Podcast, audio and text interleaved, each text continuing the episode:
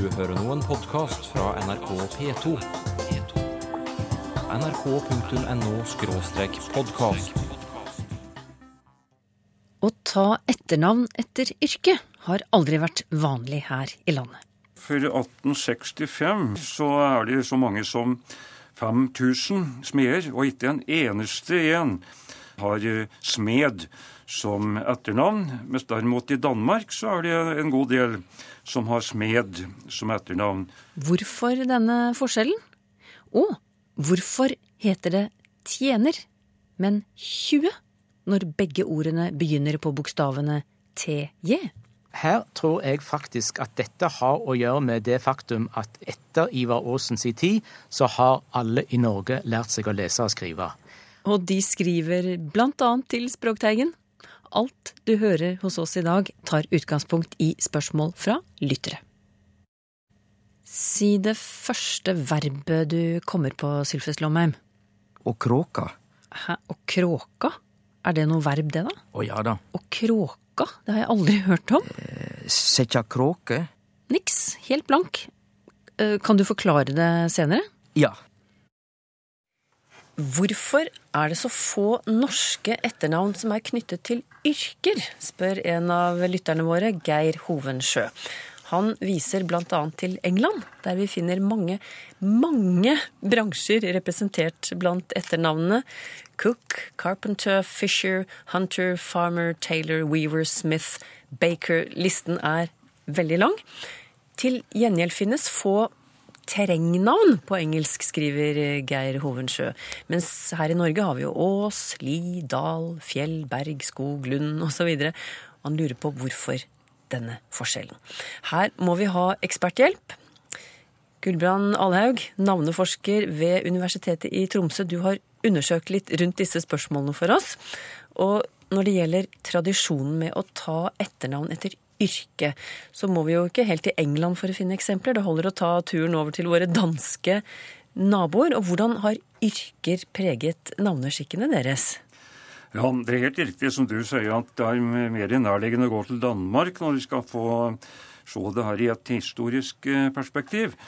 Og Da viser det seg at i, Danmark på 1700-tallet så var det nokså vanlig å ta i bruk eh, det vi kunne kalle håndverkeretternavn. Det var så mange som 6% av alle etternavn i Danmark eh, var like håndverkeretternavn, altså som Møller, Kokk og Skjøtt. Skjøtt er det tyske etternavnet for skytter.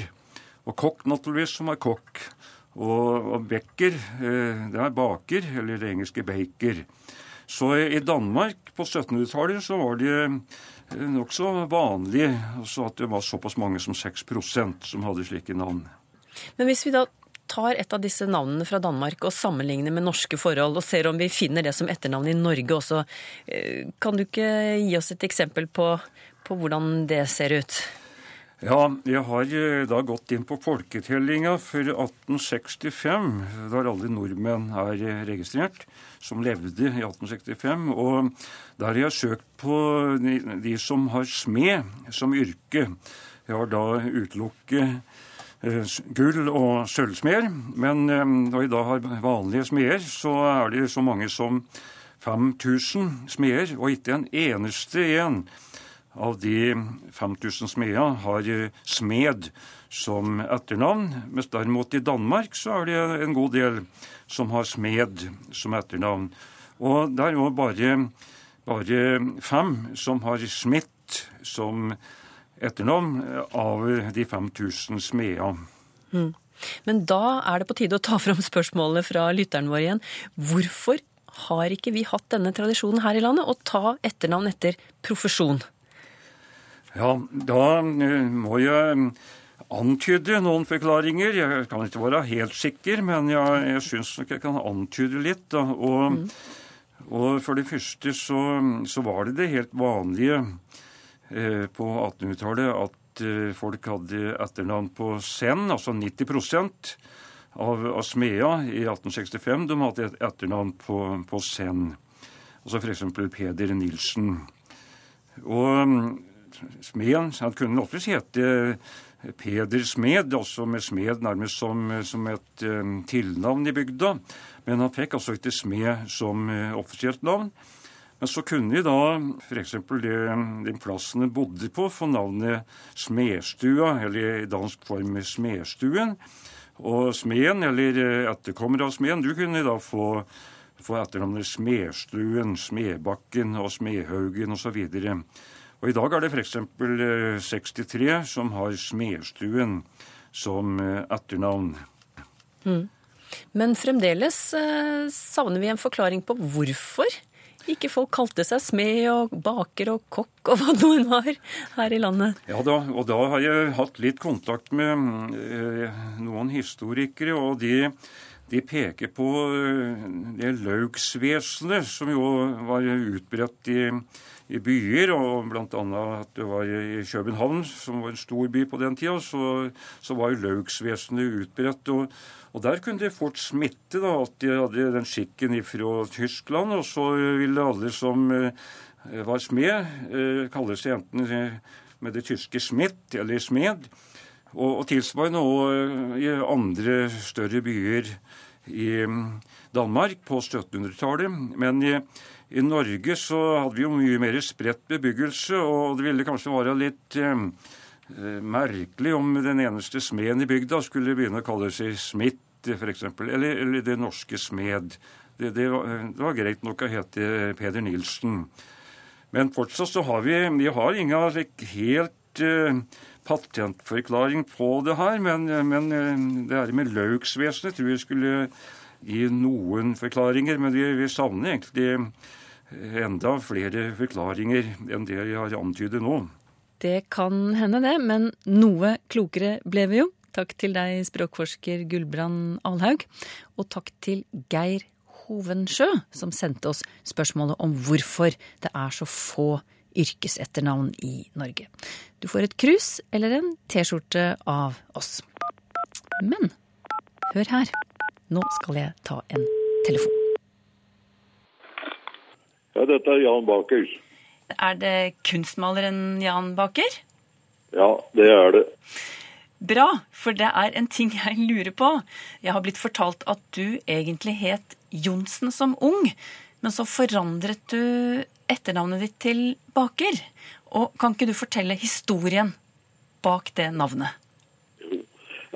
Du skjønner at far min, han var baker. Ja. Han ble jo kalt for Johan Baker. I Stangebygda så var det ganske gjennomsiktig, og alle visste hvem Johan Baker var. Mm. Men uh, han tenkte nok aldri på å skifte navn til Baker noen gang, han. Så han, når han skrev under papiret, så het han Johan Johnsen. Men han ble kalt for Johan Baker? Ja, veld, veldig ofte. Og vi ble også kalt for ba, Bakerunga. Vi bodde i sånn lita grend, og der var det liksom Ja, det er Bakerunga sånn. Og vi gikk jo julebok også. Og der det er vel mulig at det er bakerunga som er ute og går. Men hvordan hadde det seg da at du etter hvert kom til å hete Jan Baker? Eh, jeg, jeg begynte på kunst- og håndverksskolen. Og vi begynte jo tidlig også å lage bilder, da. Men så, så spurte de er faren din er han kunstner. Nei, han er baker, sa jeg. Og så etter hvert så begynte de å kalle meg for Bakergutten. Ja. Så begynte jeg da for moro til å signere bildene mine for Baker, Jan Baker. Og så debuterte jeg på Høstutstillingen med to bilder. Og der sto det Jan Baker. Mm. Og så etter hvert så ble jeg innkjøpt av både Riksgalleri og Nasjonalgalleri. Og da var det liksom gjort, da. Jeg tenkte at jeg kan ikke hete både Johnsen og Baker Men jeg fant ut at det, det var greit å skifte navn, da. Men du som da er kunstmaler Jan Baker. Du heter Baker, men er maler. Har du fått reaksjoner på akkurat det noen gang? ja, kanskje lite grann. Men du, vet du han komponisten Maler? Ja. Gustav Maler. Han var jo musiker. Ja. Så kanskje han fikk det samme spørsmålet. Kanskje han hadde en far som var maler? Ja, kanskje det. Nei, det, ble, det har ikke vært så mye snakk om akkurat det. Nei. Men de fleste de sier ikke baker, de sier baker. Legger tonen på baker. Gjør du det selv? Som regel så sier jeg baker. Som regel. Det hender nok at jeg kan bry litt på det jeg også, og si baker. Men eh, det heter som åssen været er. ja. Men hvordan hadde det gått, tror du, Jan Baker, hvis du hadde hatt et annet yrke? Hadde du allikevel tatt navnet Baker, tror du? Sannsynligvis ikke. Hvorfor ikke? Nei, det var nok det at eh, jeg skulle signere bilder og sånt da. Så tenkte jeg at det skulle hete Johnsen. Nei, jeg ville heller kalle meg for Baker. Og sånn ble det. Men hvis jeg hadde vært uh, trykkekonduktør, så vil det nok fremdeles hete Johnsen. Så kan det gå. Språkteigen har fått e-post fra Anne Grete Kjelling om ord som begynner på bokstavene TJ. Hun forteller at hun og noen lærerkolleger har diskutert TJ-lyden i ordene tjeneste og tjener. I alle andre TJ-ord vi finner, ser det ut til at denne lyden uttales som kj, skriver hun. Altså kjære, tjore, tjukk, tjue, for å nevne noen eksempler. Ord som også staves med TJ, det er det jo, men de uttales altså med kj-lyd, KJ. Og nå lurer hun på hvorfor. Altså hvorfor sier vi tjener og tjeneste, men tjore og tjue? Ved Universitetet i Agder så finner vi en som har språklyder som spesialområde. Jan Christian Hognestad, hvordan vil du forklare disse forskjellene?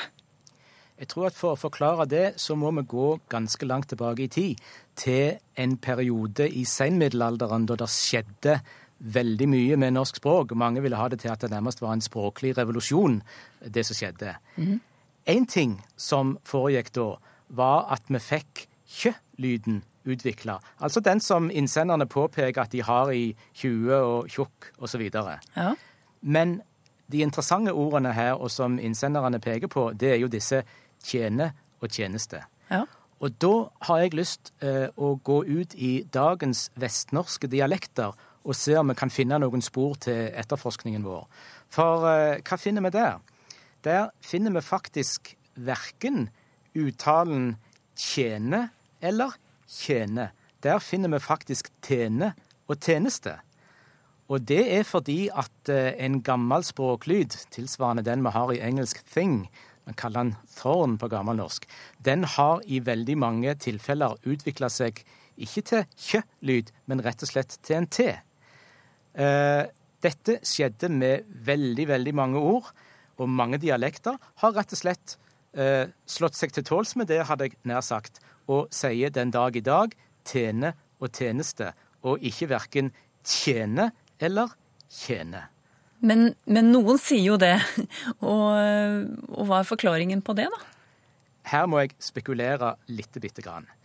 Ivar Aasen han reiste jo rundt i Norge midt på 1800-tallet. Og han rapporterer fra Vest-Norge at tjene og tjeneste, det er det vanlige. Det er den, den alminnelige formen, sier Ivar Aasen. Og det er det jo ikke i dag.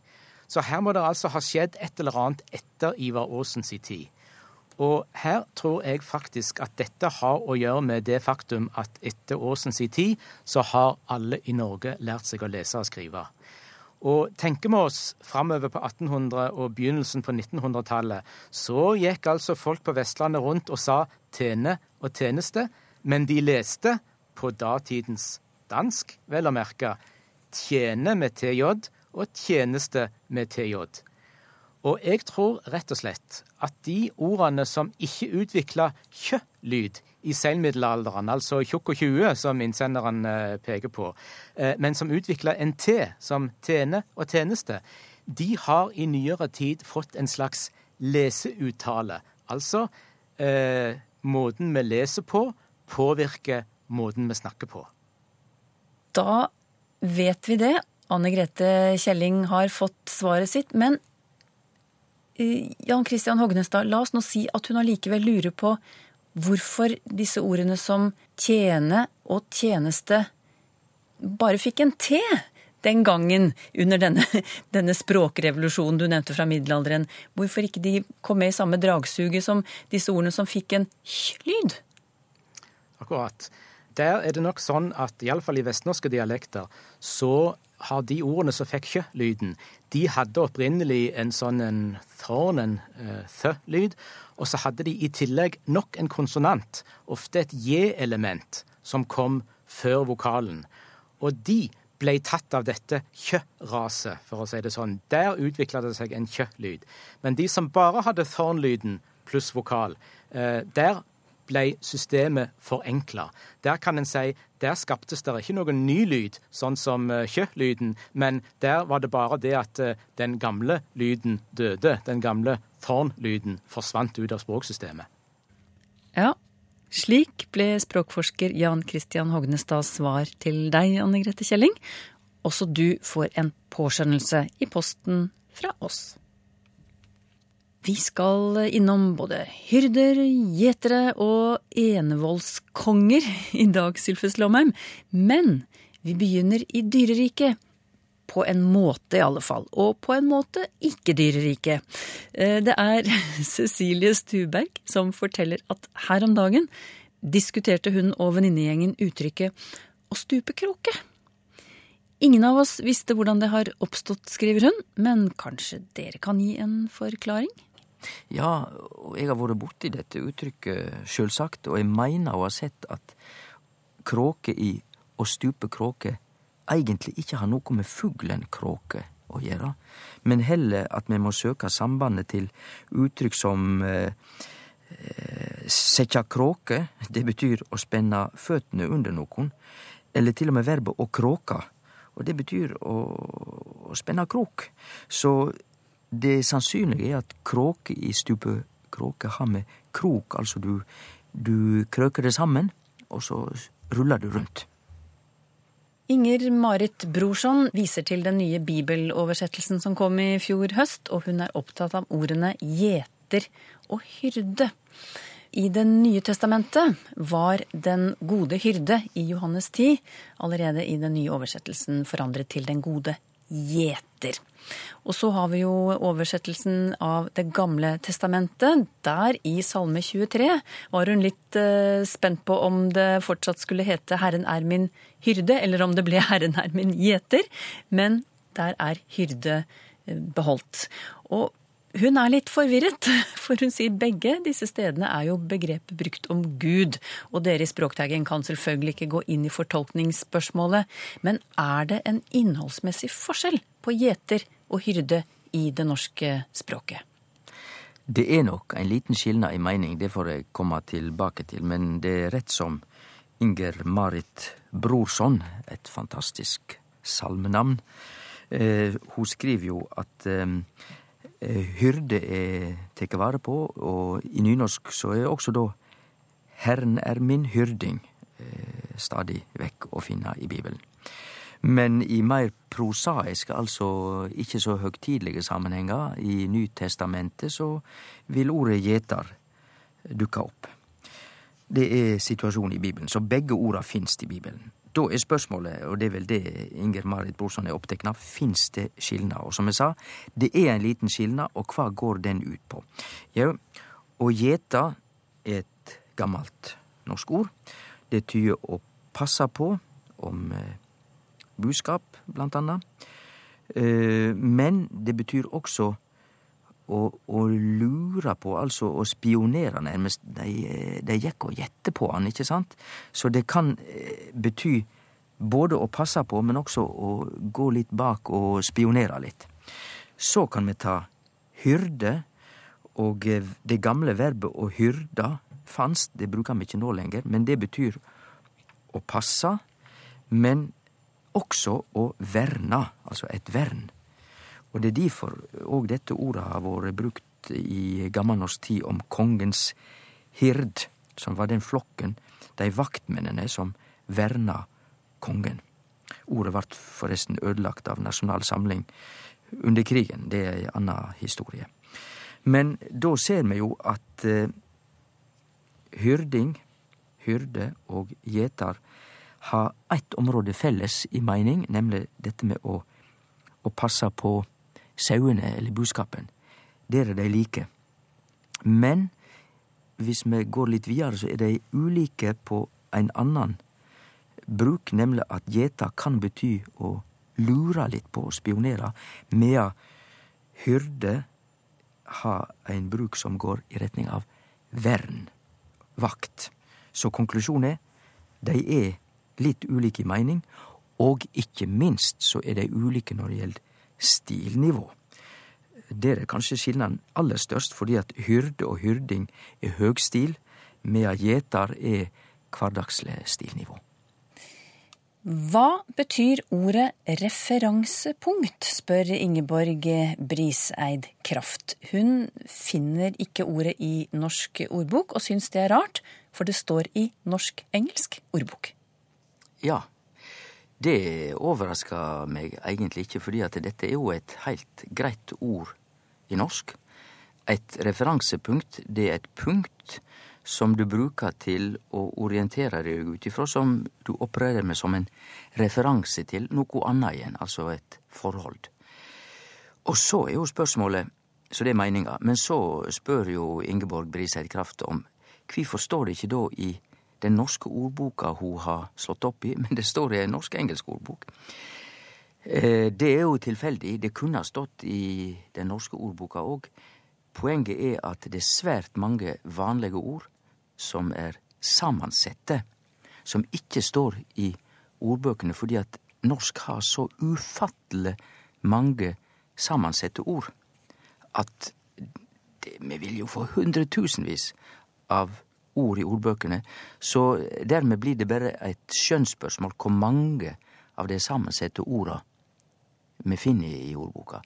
Derimot finner vi sjølvsagt både punkt i ordboka og referanse, men altså ikke den sammensette forma. Det kunne det ha vore, men forklaringa er at mange sammensette ord altså ikke blir tekne med. Gottfred Nymark leser for tiden om det dansk-norske eneveldet, og han lurer på følgende. Når ordet enevelde står alene, ja, da heter det nettopp det, enevelde. Når det brukes som forstavelse, så heter det eksempel enevoldskonge, enevoldsmakt. Hvorfor? Nei, det er fordi at eh, velde og vold, det er varianter av nøyaktig samme ordet. Så det er det samme ordet som opptrer i begge disse situasjonene. Det er bare det at som forledd så blir det enevoldshersker, men når vi beskriver på norsk og dansk eh, det som enevoldsherskeren eh, utøver, så er det enevelde. Han nevnte også at eh, på dansk er dette hannkjønnsord, og det stemmer vel, men det opphavlege er at velde er et inkjekjønnsord, slik som det stadig vekk er på norsk. Eh, et enevelde. Så til sjølve den historiske meininga til ordet. Det er nøyaktig det samme som òg har på nynorsk vald. Og både velde og vald og vold går attende til et ord som kort og godt tyder makt. Så Noregsveldet betyr da det norske maktområdet i, på 1200-tallet. Velde og vold og vald, altså makt. I neste utgave av Språkteigen diskuterer vi annet ordet fersk. Sjarken med nyfanget torsk nærmer seg land, så den fisken kan vi vel enes om er fersk.